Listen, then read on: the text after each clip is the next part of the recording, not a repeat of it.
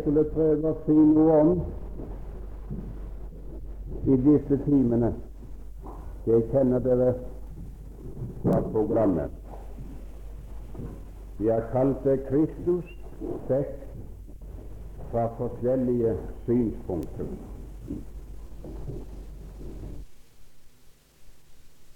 Innledning.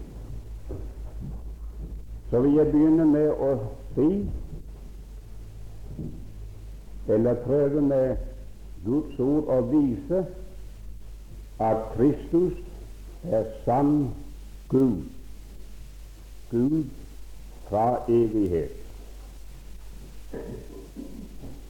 I andre Timotius-brevet, det første kapittel og vers 12,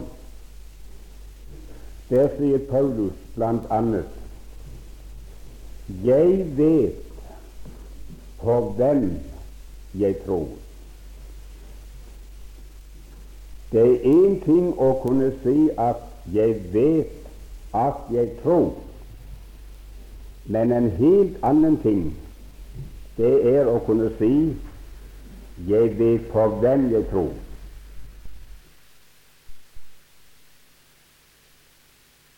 Den person som i virkeligheten skaper ro og fred i en troende sinn.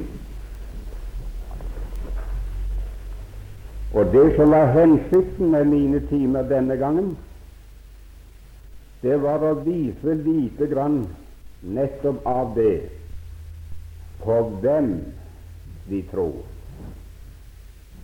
For noen av dere vil det uten tvil virke litt for teoretisk. Det blir ikke akkurat så følelsesbetont og oppbyggelig som mange av dere sikkert har ventet. Men hvis vi får selve sannheten inn i vårt sinn,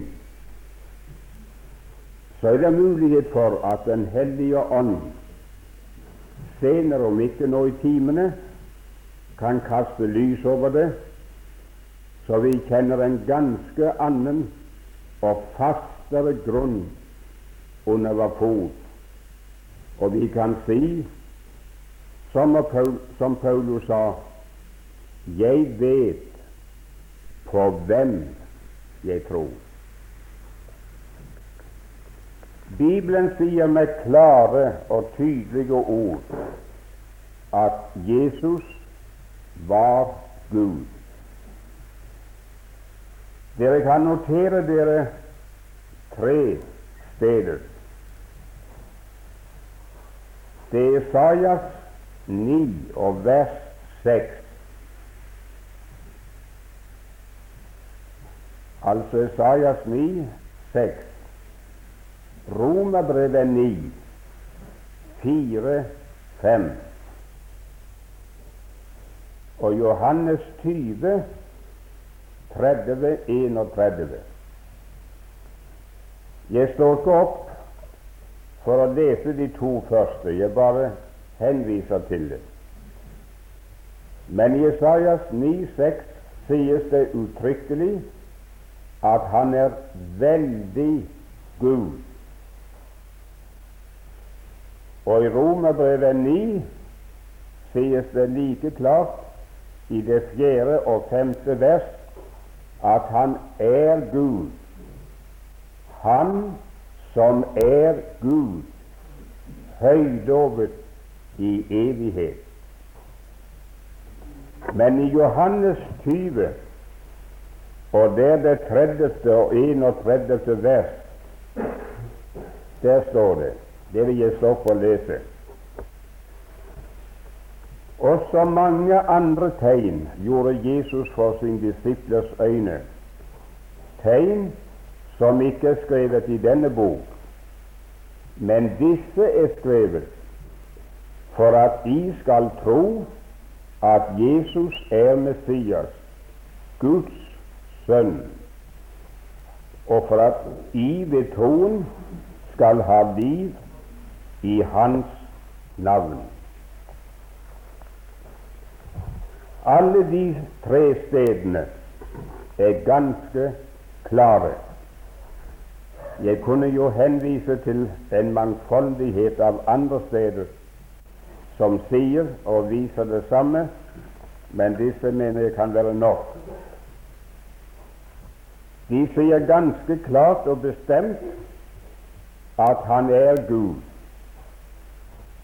Og ikke bare at han er Gud, men ifølge Johannes så er det skrevet en hel bok, nemlig Johannesevangeliet, for å overbevise oss om at han er Messias, Guds sønn. Så den som vil uh, kjenne ham, og kjenne ham som Guds sønn, han har i aller første forstand å henvende seg til Johannes evangeliet. Og jeg vil gjerne ha sagt at den eneste kilde som gir oss et sant og virkelig kjennskap til personen Jesus Kristus, det er Bibelen. På det punkt kan filosofi og vitenskap ikke komme til hjelp. Bare Guds ord kan gi oss beskjed om det. Og det er Bibelen som sådan som sier oss hvem og hva han var, og hva han fremdeles er. Vil det så slå opp Johannes evangeliet, det første kapittel, skal vi lese fire vers derfra. Johannes 1, de tre første vers og det fjortende. I begynnelsen var Ordet, og Ordet var hos Gud, og Ordet var Gud. Han var i begynnelsen hos Gud. Alt er blitt til ved ham, og uten ham er ikke noe blitt til av alt det som er blitt til. 14. Og ordet ble kjøp og tok bolig iblant oss, og vi så Hans herlighet en herlighet som den en enbåren sønn har fra sin far, full av nåde og sannhet. Du kan notere deg det ordet var. I begynnelsen var ordet. Det ble ikke til da, men det som allerede var i begynnelsen, det er fra evighet av. Det har ingen begynnelse. Og så kan du notere deg at det som var i begynnelsen, det som kalles ordet, det sies bestemt det var Gud. Og det var det ord som var i begynnelsen, og som var hos Gud, og var Gud, som ikledte seg kjøtt og blod og steg inn her i denne verden og ble synlig.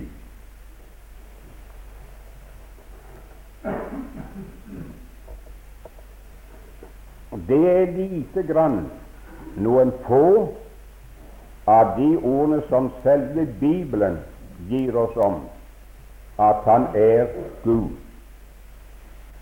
Men så vil jeg også ta med at Jesus selv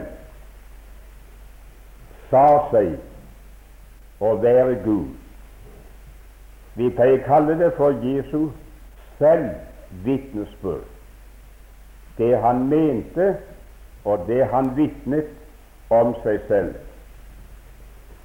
Der skal dere få notere ned tre steder, men jeg tar ikke tid til å lese dem.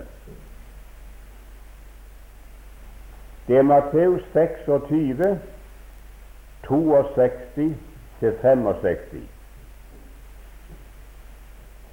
Lukas 22, vers 70. Matteus 27, 43. Jeg sier nå bare i parentes at i fall det blir noen som ikke husker å få notert de henvisningene som blir gitt, de kan bare komme privat, og så skal de få dem. På alle de tre stedene sies det ganske bestemt at Jesus sa seg å være Guds sønn. Han ble av ypperste presten bl.a. spurt Si oss, hvem er du? Er du Guds sønn? Og han svarte, Du har sagt det. Jeg er det. Vi skal komme tilbake til det. Det uttrykket ja, jeg må vel kunne si at jeg går ut fra at alle dere som sitter her, er såpass kjent med de fire evangelier at de vet det var en ganske vanlig og alminnelig ting at Jesus sa seg å være Guds sønn. Jeg sier ikke 'være Gud', han sa seg å være Gud, men han sa oftere at han var Guds sønn. De vil finne, om det går evangeliene igjennom, at han brukte betegnelsen Guds sønn ikke mindre enn 40 ganger. Og fem ganger kalte han seg den enbårne sønn som var hos Faderen. Og den tittelen setter han utenfor og overfor, ovenover ethvert menneske i verden.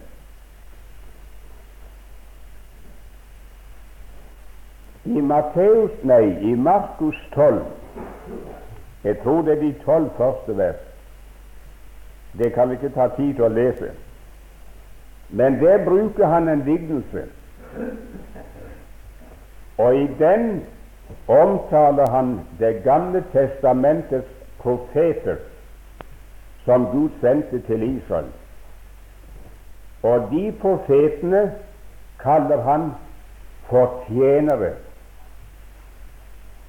men så sier han lignelsen Men så sendte han sin egen sønn. Det var den siste han sendte til dem. Han kalles ikke tjener, men den sønn som han elsket. Nå vet jeg at det er mange vi pleier å kalle dem for rasjonalister, som sier det er greit nok at det står i evangeliene at han var Guds sønn, og at han selv kalte seg Guds sønn og gjorde krav på å være det. Men, sier de, han la ikke noe mer inn i det enn som vi gjør når vi sier 'Jeg er et Guds barn', eller at jeg er et fromt, troende, godt kristelig menneske. Det har ingenting, sier de, å gjøre med at han var Gud og skriver seg helt fra evigheten uten noen som helst begynnelse var bare en bekjennelse av at han var et Guds barn, et godt, fromt menneske. Skriften viser oss i alle fall. Og som jeg sa, det er bare den som kan gi oss et sant kjennskap til hvem og hva han var. Skriften sier uttrykkelig hva Herren la inn i det når han kalte seg Guds sønn.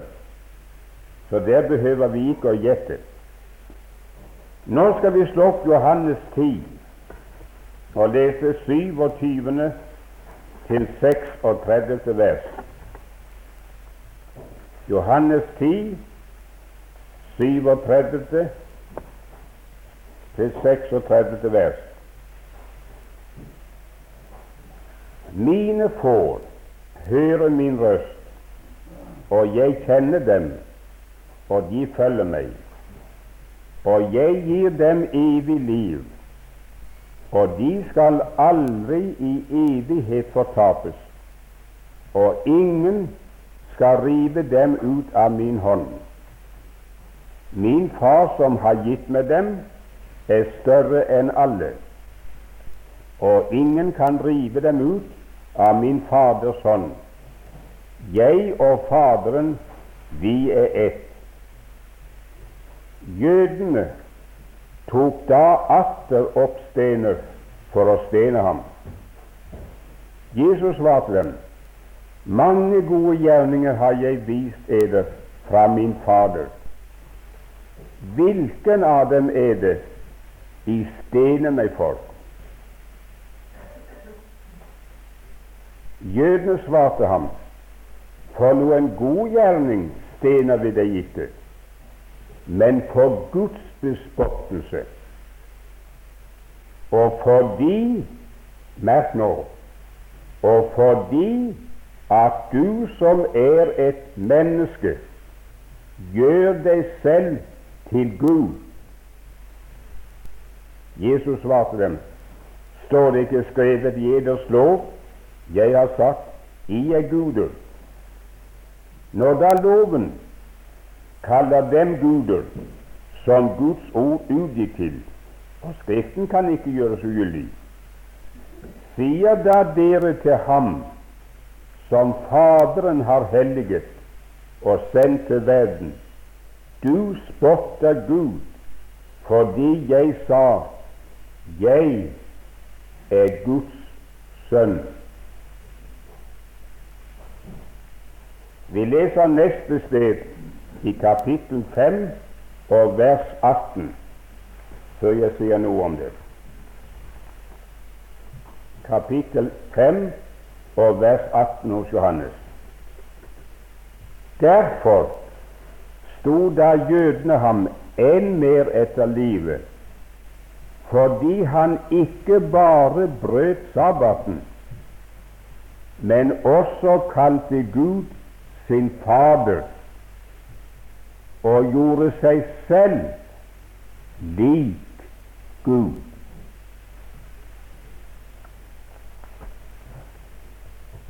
Jødene venner, de hadde aldri før hørt et menneske se opp mot himmelen og kalle Gud på himmelens trone for sin Fader. Ingen hadde tiltalt ham som Fader. Og som min Fader, og ingen hadde kalt seg selv for Guds sønn. Men så står de ansikt til ansikt med ham som ble født i Betlehem, og hører hva han sier. Gud er min Fader, jeg er Hans sønn, og vi to er ett. Og hvordan oppfatter de det? De oppfatter det på den måten som jeg nå har framholdt. Du spotter Gud ved å si det, for dermed gjør du deg lik Gud. Du gjør deg identisk med Guds sønn. Og du som er et menneske, kan ikke være det. De tok han ikke for å være noe mer enn et menneske. Og så forekom det dem å være Guds bespottelse når en slik mann sa 'Jeg er Guds sønn'. Jeg er Gud. Jeg er ett med Faderen fra evighet. Det var hans selv vitnesbyrd. Men vi leser mer i kapittel 5, altså i Johannes 5. Vi skal lese der det 22., 23., 25. og 26. vers. Og der vil de finne at han ikke bare kalte seg Guds sønn, og dermed gjorde krav på å være Gud lik og ett med ham, men han gjorde krav på å være likestillet med Gud i enhver henseende. Der står nemlig så For Faderen dømmer heller ikke noen, men har gitt Sønnen hele dommen, for at alle Merk det for at alle skal ære Sønnen, like som de ærer Faderen.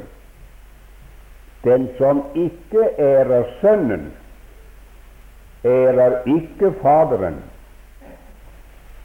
som har sendt ham. 25-26. Sannelig, sannelig, sier jeg eder, den time kommer og er nå, da de døde skal høre Guds røst.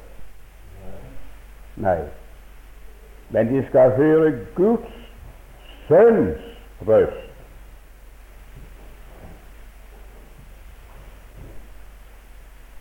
Og de som hører, skal leve. For like som Faderen har liv i seg selv, således har han også gitt Sønnen å ha liv i seg selv. Altså, det var ingen forskjell mellom Faderen og Sønnen. Det den ene var, det var den annen. Det den ene var i stand til å gjøre, det var den andre i stand til å gjøre. Og det sies jo om ham flere steder at uh, han skal og han gir evig liv til alle de som Gud gir ham til enhver trone. Det er hans verk, det er hans gjerning. Han ikke bare har liv, men han er også i stand til å formidle og gi liv til de som er døde, både åndelig døde og til legemlig døde når de en gang skal vekkes opp av gravene. De skal høre Guds sønns røst. Og de som hører den, de lever. Etter de ordene jeg nå har lest, det burde vært sagt så meget mer om det.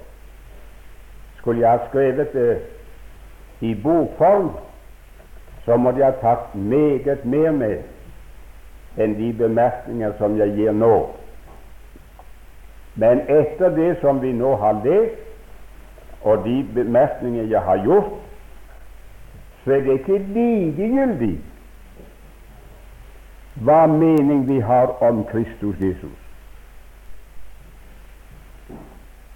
Det er en meget alvorlig sak, venner, hva vi mener om ham.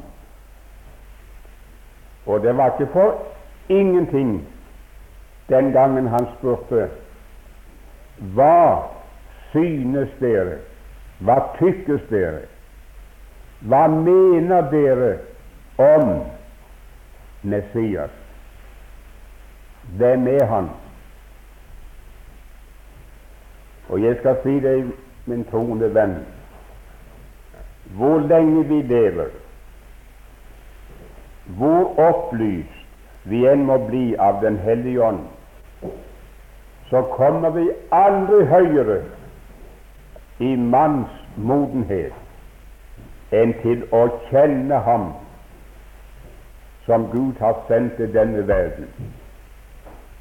Og ved kjennskapet til Ham har del i evig liv.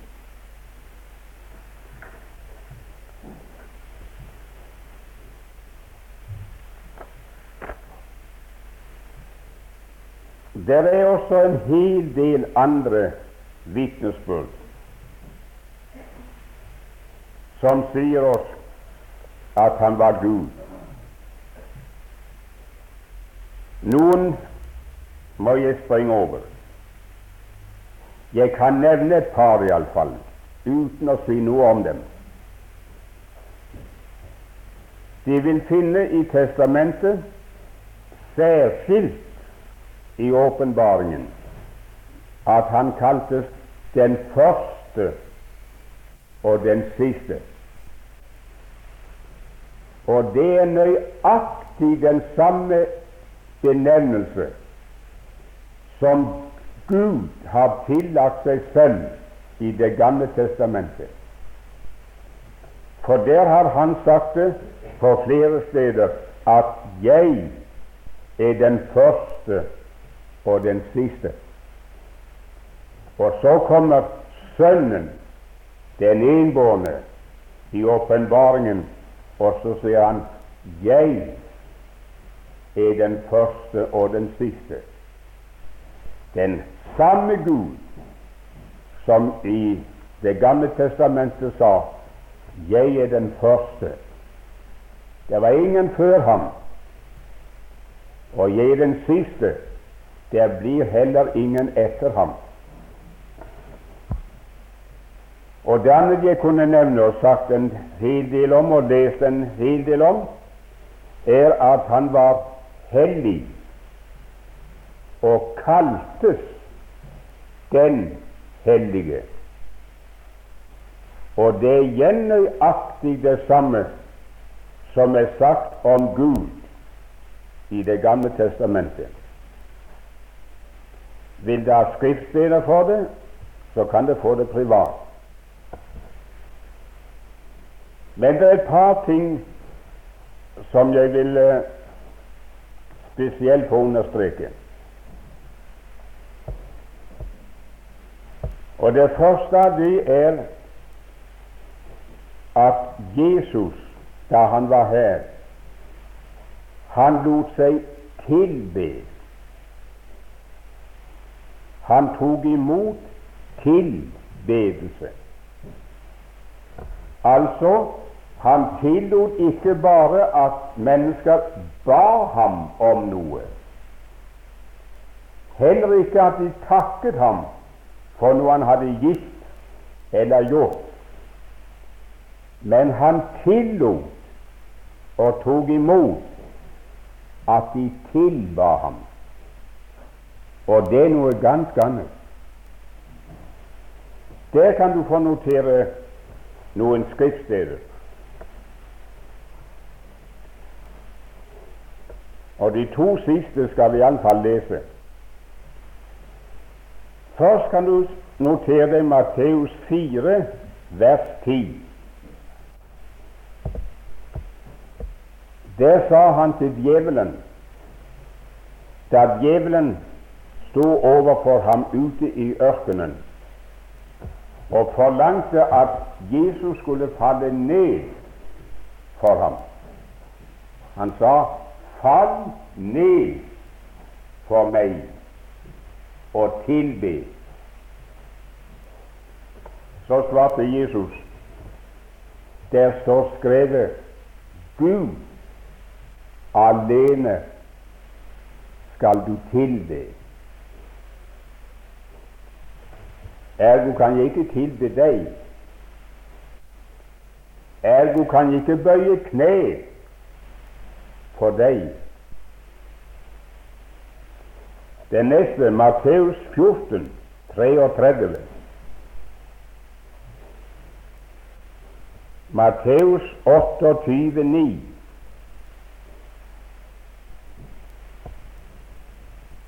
Lukas 24, 50-52. På alle de tre stedene står det at disiplene falt ned for ham og tilba ham.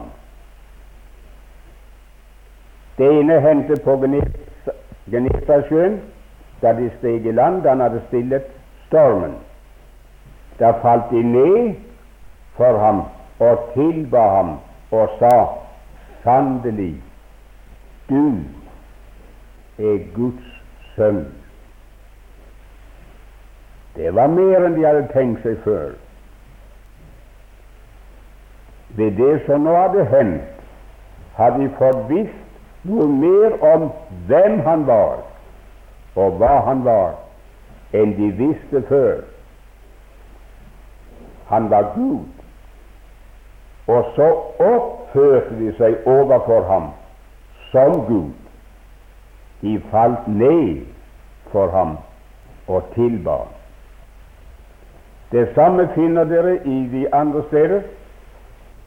Selv etter oppstandelsen så kom Thomas, og han fikk lov til å røre ved siden hans og hendene hans, men det står ikke noe om at han gjorde det. Men da han hadde sett hendene og føttene hans, så falt han ned for ham og tilba og sa sannelig, du er Guds sønn. Og da han slo sammen med apostlene på himmelfartsdagen og skulle gå hjem, så heter det de falt ned for ham og tilba ham. Og all den tilbedelse tok han imot. Den blir ikke avvist, og de blir ikke kritisert for det de gjorde. Skal vi så lese sammen i Apostlenes gjerninger 10, 25 og 26. vers. Apostelens gjerninger 10, 25, 26.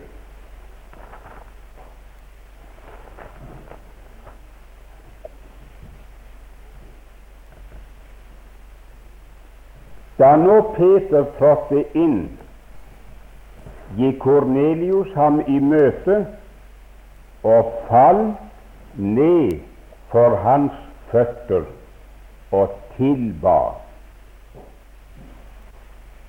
Jeg bemerker han ba ham ikke om noen ting. Å be, godt folk, det er noe ganske annet enn å be. Å tilbe er noe helt annet enn å takke. Og det er noe helt annet enn å påkalle. Det eneste Kornelius gjorde overfor Peter, det var han tilba ham. Men så står det Men Peter reiste ham opp. Kornelius hadde bøyd kne. Og så reiste Peter ham opp og sa, Stå opp, også jeg er et menneske. Det var som han hadde sagt, du Kornelius, du er et menneske som alle andre. Nå tar du meg for noe mer enn du selv er. Men det er feil.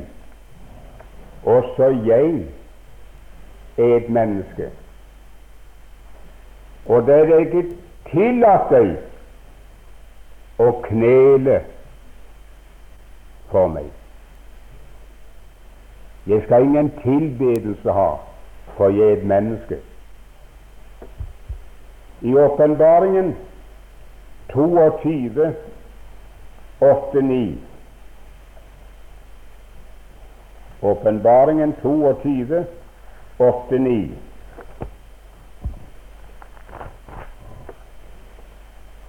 Der hadde en engel stått overfor apostelen Johannes og gitt ham å se store og vidunderlige syner.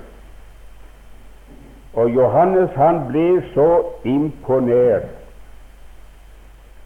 nesten ut av seg selv. Og så leser vi fra åttende vers Og jeg, Johannes, er den som så og hørte dette. Og det, da jeg hadde hørt og sett, falt jeg ned for å tilbede for den engels føtter som viste meg dette. Og han sier til meg, var deg for det. Jeg er din og dine brødres profetenes medtjener, og deres som tar vare på ordene i denne bok. Gud skal du tilbe. Altså Gud skal du tilbe, men ikke en engel. Jeg er bare en engel. Og som engel sier jeg din, dine medbrødres, profetenes tjener. Så pass deg, reis deg opp, tilbe meg ikke, for derved bekjenner du meg for å være Gud. Du setter meg i Guds plass. La meg bare få lov å sagt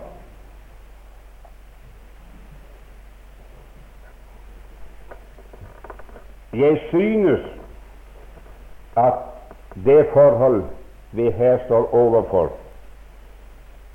det viser oss hva et knefall virkelig betyr.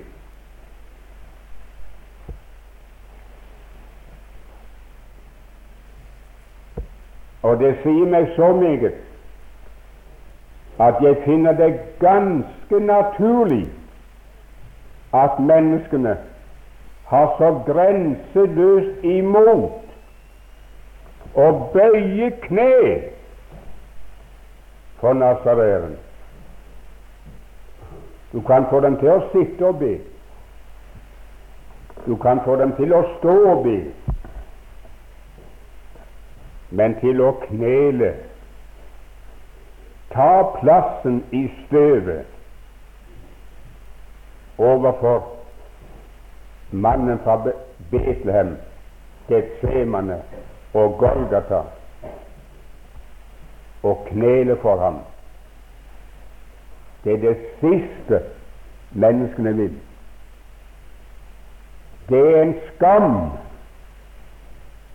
som de nesten ikke greier å overleve. overleve. Men når djevelen setter alt han kan inn på å hindre et menneske i å erkjenne Jesus for å være Gud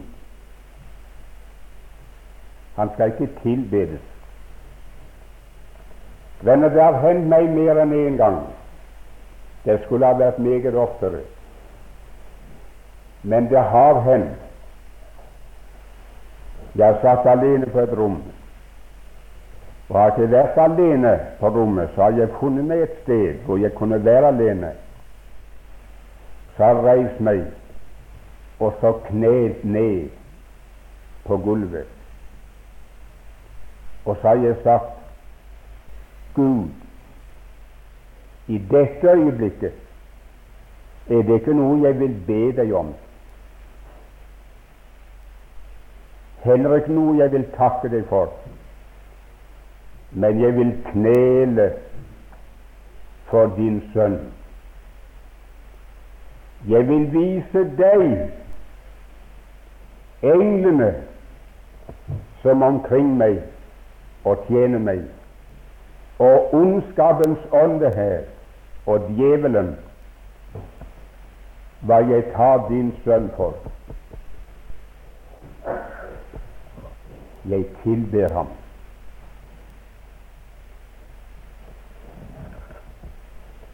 Og ved slike øyeblikket har jeg opplevd mer av Herrens nærhet enn noen gang når jeg lå og ba ham om noe.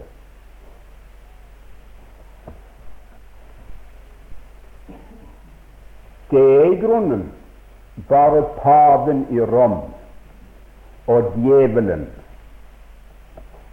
som forlanger at mennesker skal knele for dem, utenom den Herre Jesus.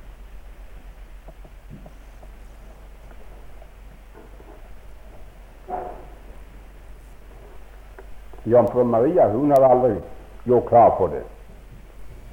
Men allikevel har menneskene og katolikkene knelt så ofte foran bildet av henne og kysst stortåen på det utskårne bildet. Så nå må de snart få lage et nytt bilde, for tåa er blitt utslitt. Så lenge har de kysten. Ja, dette er virkelighet. Det er djevelens verk. Men den Herre Jesus, da han gikk her, han visste hvem han var. Han visste at han var Gud. Og så tillot han, som jeg sa, og så tok han imot et knefall og den bekjennelse sannelig, du er Guds sønn. Mine troende venner, noen av dere har levd like mange år med Gud som jeg har levd, kanskje enda lenger. Men vi tar som regel Jesu navn så altfor lett i munnen. Vi vet ikke hvem vi omgås, og med hvem vi har å gjøre. Vi gir ham ikke den ærbødighet som tilgår med ham. Om vi vil forstå meg rett Jeg vet det kan misforstå meg, men det behøver ikke. I mange tilfeller så er vi altfor dus med den Herre Jesus. Det er en del salmer, men så godt en del av de er revidert. Men jeg sluttet å synge slikt lenge før, før de ble revidert. Søte Jesus. Som bom-bom. Drops. Søte Jesus. Snille Jesus. Milde Jesus.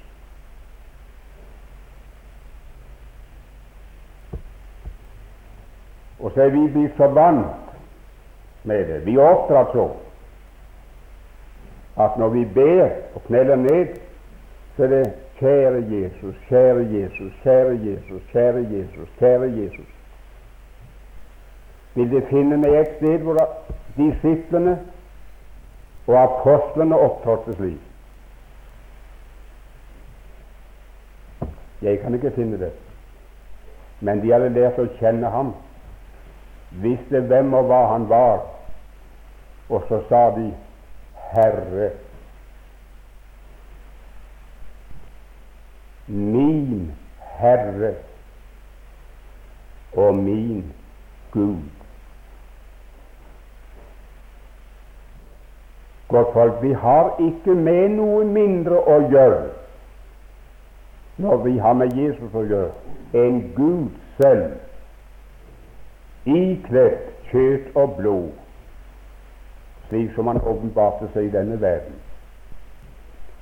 Jeg skal senere fra et helt annet synspunkt få komme tilbake til det.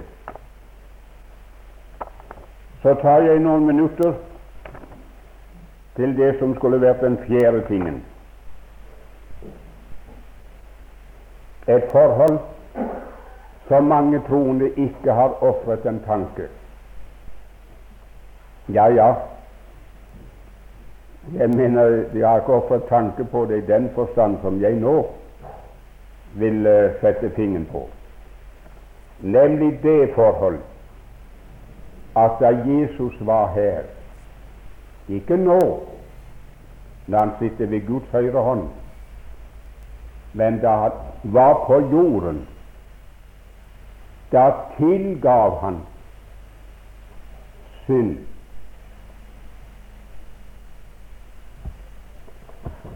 Da sto han overfor syndere. En bruden som lå på sengen sin, og en synderinne fra Simons hus og andre. Og så sa han, vær frimodig, dine synder er deg forlatt.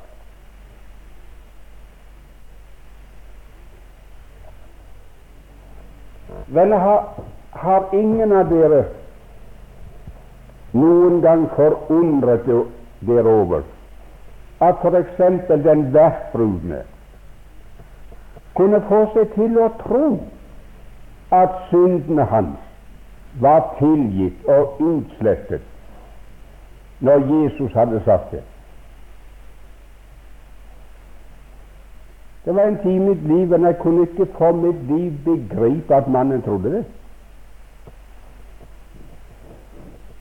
For han og de fleste andre hadde aldri sett noe mer i Nasareeren enn et fromt, godt menneske. I beste fall en lærer kommet fra Gud. En som vi kunne kalle gode mester.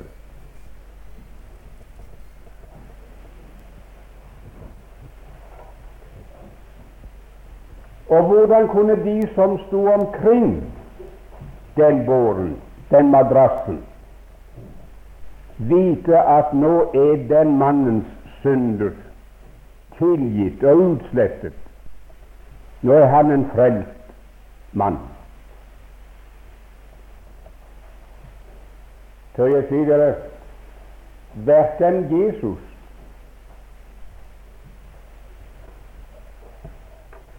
eller noen annen i himmelen regnte med at de skulle tro det.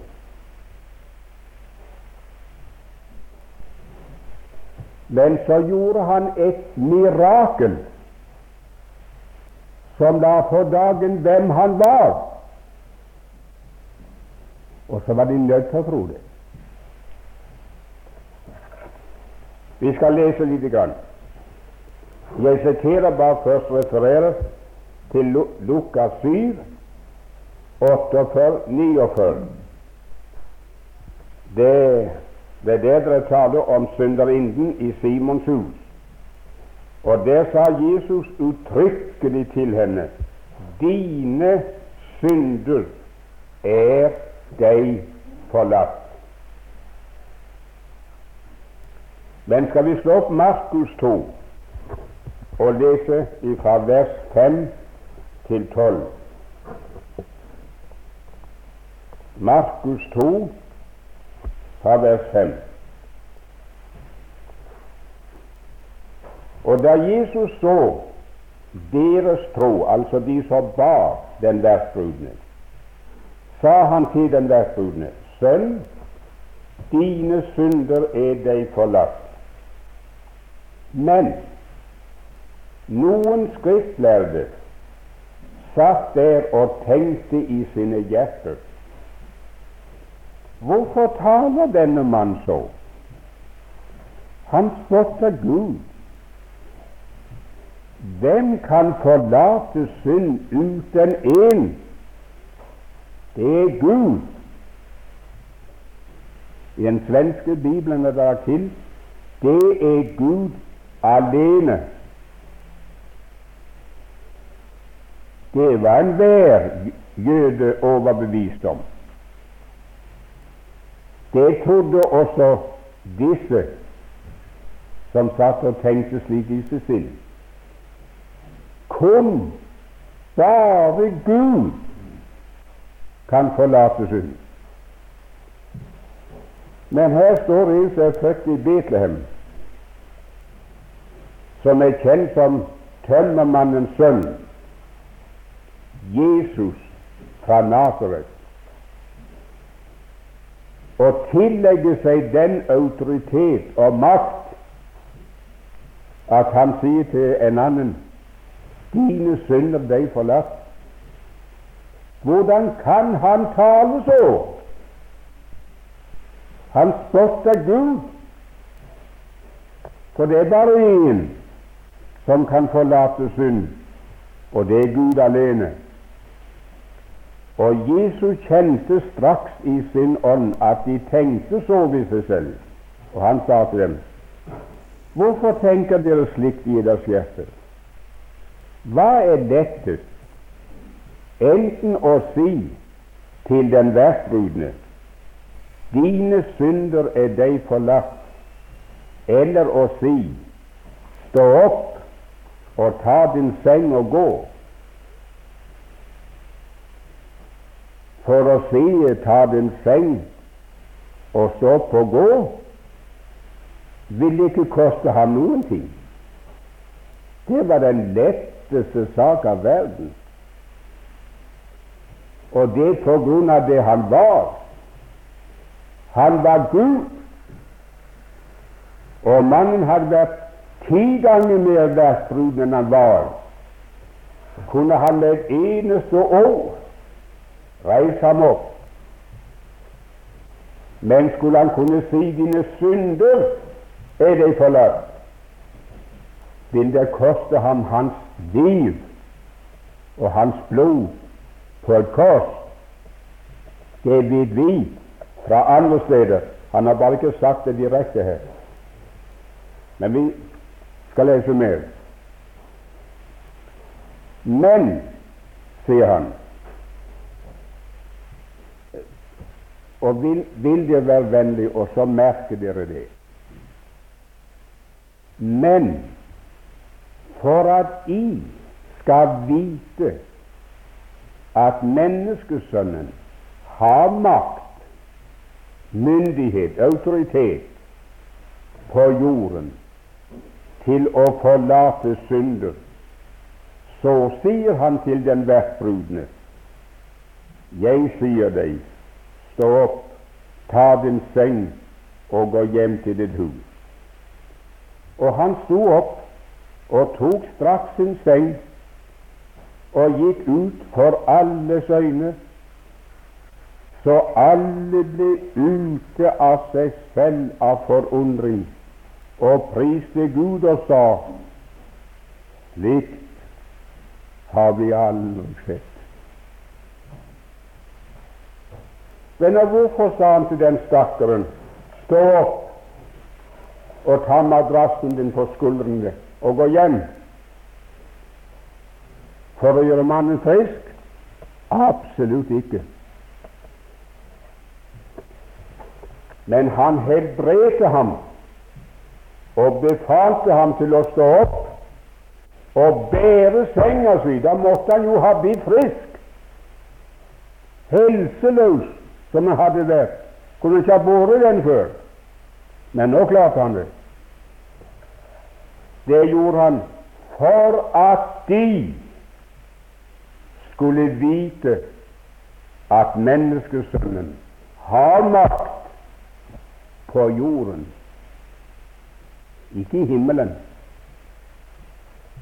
men han har makt på jorden til å forlate synd.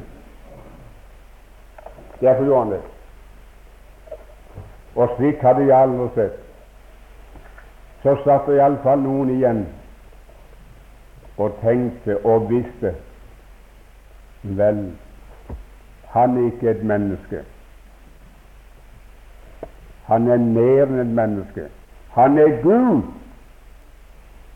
som kan gjøre slikt. Og hvis han er Gud, så er det en avgjort sak at synden er forlatt og utslettet når han har sagt dine synder er deg forlatt. Da behøver ingen ta ordet etterpå og ordne den saken. Da er det i orden.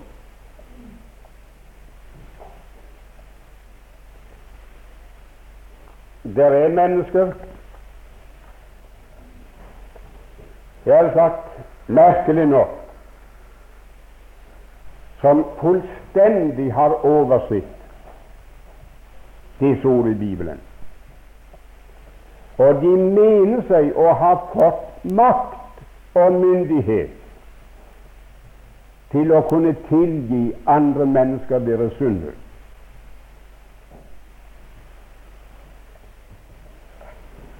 Jeg har hørt det, og dere har hørt det, at de tillater seg å si at på Guds og mitt hellige embetes vegne så tilsier jeg deg alle dine synders nådige forlatelse. Hvor har de fått den autoritet fra? Er de Gud? Venner, det, det er en innbilt og tilranet myndighet. Hvem er denne mannen som sier 'dine syndere er deg forlatt'? Han spotter Gud ved side. For Gud alene kan tilgi synd. Hør her, venner. Synd som mennesker har begått imot oss Nå gjør det personlig og sier synd som andre mennesker har begått imot meg, den kan jeg tilgi. Men synd som andre mennesker har begått imot Gud, er det bare Gud som kan tilgi. Ingen andre. Og hvis noen innbiller seg at deres synd er forlatt fordi en prest eller en emissær har sagt, eller en annen eldretroende mann, synden din er forlatt, så er det selvbedrag. Og jeg vil ikke være i deres klær den dagen de skal dø og gå inn i evigheten. Det får synes som det hva det vil. Men for meg er dette det rammeste alvor. Folk bedras i tusenvis med dette her. Nei, venner, det var én, og er én, og bare én, som kan forlate synd. Og det er han som sitter der. Og når han har sagt det, så er det forlatt. Når han ved sin ånd har vitnet med vår ånd og gitt oss vitnesbyrdet for at våre synder er forlatt, så er saken i orden men ikke ellers. Den, ja, ja, det er min time neste også.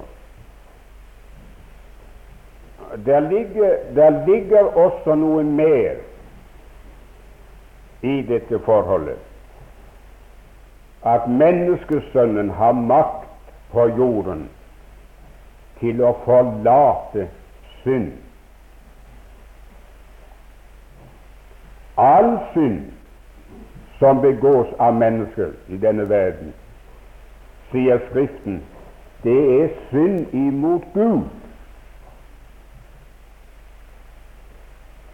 Og så er det Gud som kan og skal og må tilgi den. Står nå den Herre Jesus overfor en synder og sier at dine synder er forlatt, og nå skal du vite at jeg har makt til å forlate synd. Hva, han, hva har han da lagt for dagen? Da har han lagt for dagen og sagt til den mannen alt av synd i ditt liv som du har gjort, har du gjort imot meg. Du har syndet mot meg, og så er det jeg som kan tilgi deg. Og hvis han kunne tilgi syndere synd, og de hadde syndet mot ham, så han dermed gitt det aller sterkeste vitnesbyrd for jeg er Gud. David sier i Salme 51 Jeg fant ikke verset i farten. Alene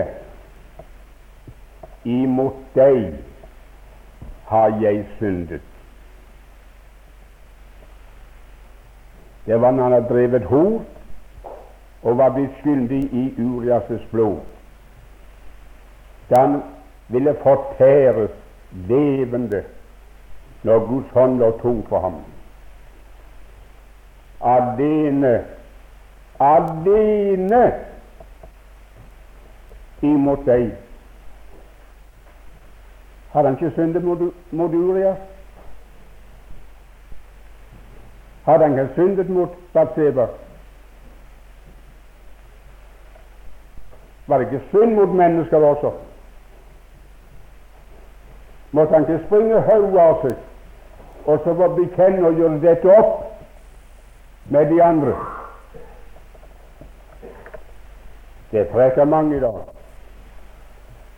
Men han erkjente Gud alene imot deg har jeg syndet.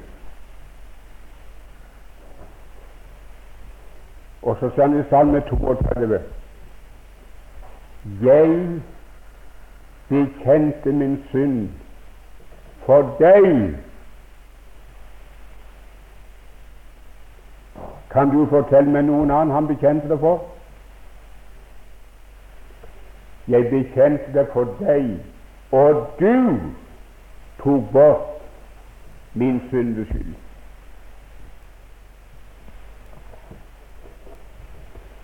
Vi skal stanse der og fortsette i neste time. Herre Jesus, jeg vil få lov å takke deg, for du har gitt meg et lite glutt av hvem og hva du er. Du er ikke bare et stakkels menneske som vokste opp i Betlehem, og som vi mishandlet og hengte på et kors. Men du var Gud fra evighet, ikledd det legeme som Gud laget for deg. Og det legeme som ble laget for deg, det ofret du i døden for min skyld og de mange andres skyld, for all vår synd og skam.